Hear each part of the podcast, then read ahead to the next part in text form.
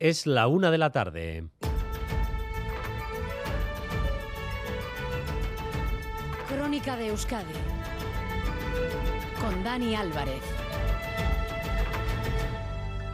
Arrachaldeón, Euskadi busca erigirse en el principal puntal de una nueva alianza atlántica. Urcullu ya convocó una reunión de presidentes del arco atlántico para reclamar a Europa que se aceleren las conexiones del tren de alta velocidad por Francia. Y ahora esa entente se amplía a las infraestructuras a la economía. Hoy se han reunido en la Cámara de Comercio de Bilbao países como Euskadi, Galicia o Portugal. Euskadi mira, por tanto, al oeste después de estar una década pendiente de Cataluña. Y Manuel Manterola. Y es que las cámaras de comercio del arco atlántico hoy reunidas aquí en Bilbao detectan una preocupación compartida. Temen quedarse en la periferia europea, perder influencia y competitividad en favor del eje del este europeo. De la reunión de hoy aquí en Bilbao, la primera de estas características, sale una declaración que apuesta por la colaboración y la prioridad absoluta es en estos momentos mejorar la conectividad. Una declaración que acaba de entregar hace escasos minutos al Endacari Urcuyu.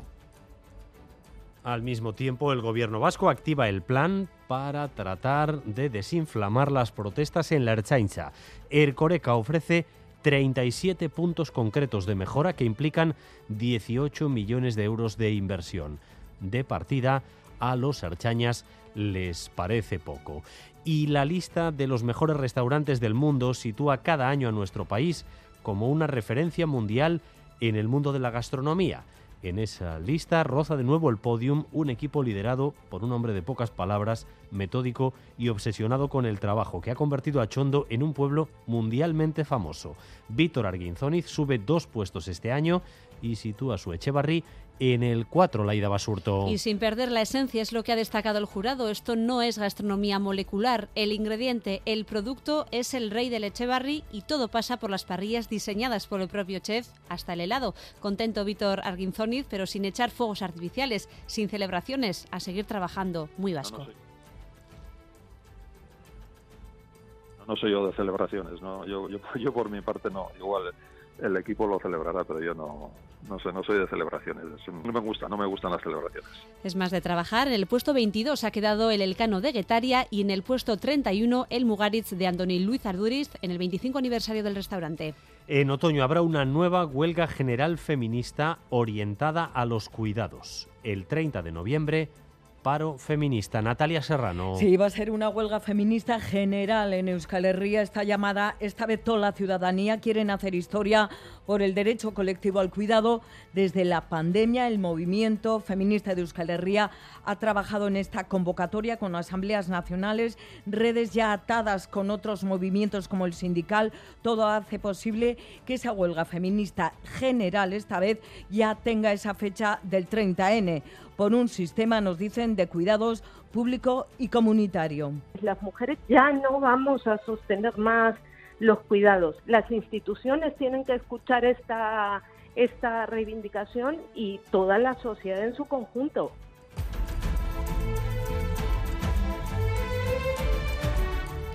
Las lluvias de estos días, las tormentas, han taponado alcantarillas, desagües y han arrastrado todo tipo de residuos a los ríos. Así que en muchas playas vascas hoy no solo no es recomendable el baño, sino que está directamente prohibido. Gorliz, hola Charriola, vengo, adelante. A Rachaldeón, en esta playa de Gorliz, en la que tenemos al lado de Plencia, el baño está prohibido sí, y también en otras 10 playas vizcaínas, también en Mutricu, Orio y la playa de Santiago en Zumaya y nueve playas en Iparralde. El empeoramiento de la calidad del agua se debe a, las, a los fuertes episodios de lluvias que sufrimos desde el domingo, ya que entre otros los sistemas de alcantarillado, como decías, no dan abasto y el agua no tratada de los desbordamientos llega primero a los ríos y después al mar, elevando el nivel de E. coli y enterococos. El Departamento de Salud del Gobierno Vasco tomará nuevas muestras de agua hoy y mañana y revisarán las restricciones con los resultados en mano. El rescate del submarino que bajaba a ver el Titanic está siendo de película y agónico.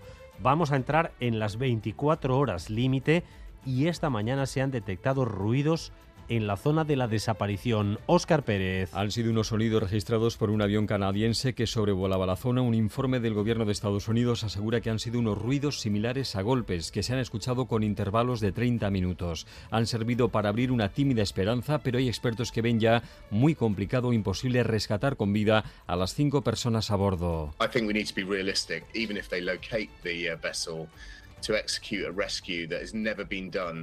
Creo que debemos ser realistas incluso aunque localicen la nave. Nunca se ha hecho un rescate así en aguas tan profundas y con tanta complejidad. Supondría más de 20 horas estabilizar la nave y ejecutar el rescate, ha explicado el capitán de la Marina Británica Ryan Ramsey en la BBC.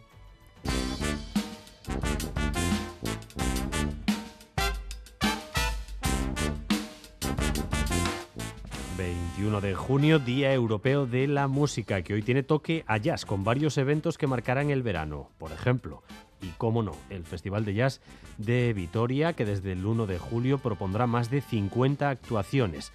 Estará, entre otros, en Vitoria el grupo americano The Bad Plus.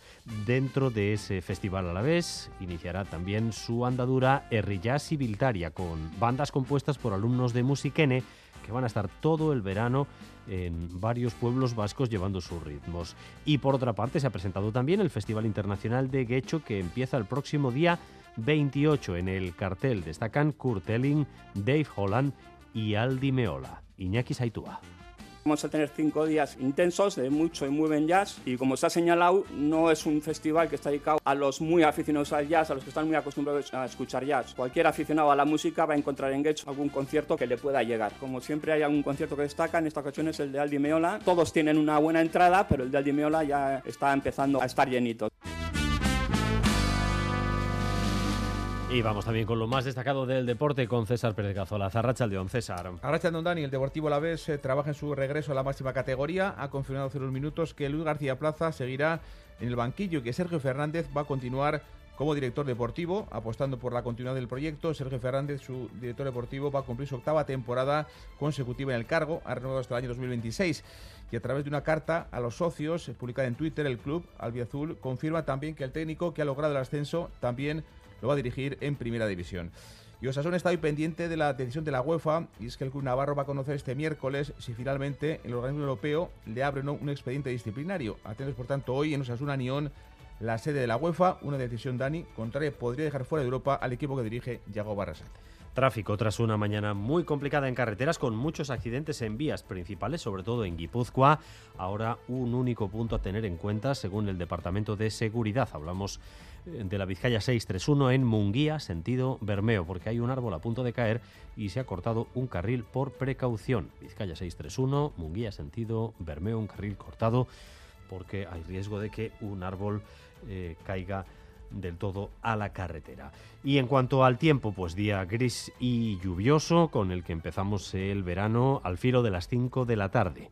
Y como de costumbre, a eso de las 3 se vuelve a activar el aviso amarillo por lluvias intensas, eh, tormentas y posibilidad de granizo. Aviso amarillo que va a estar en vigor hasta las 9 de la mañana de mañana. El riesgo esta noche se va a centrar sobre todo en el este de Guipúzcoa. Temperaturas en descenso en la jornada de hoy. A partir de mañana, eso sí, ya llegará un cambio y veremos los cielos más despejados. 20 grados apenas ahora mismo en Bilbao y en Vitoria-Gasteiz, 21 grados Donostia y Pamplona, 22 grados de temperatura en Bayona. Gracias un día más por elegir Radio Euskadi y Radio Vitoria para informarse. Raúl González y José Ignacio Revuelta en la dirección técnica, a Itziber Bilbao en la coordinación.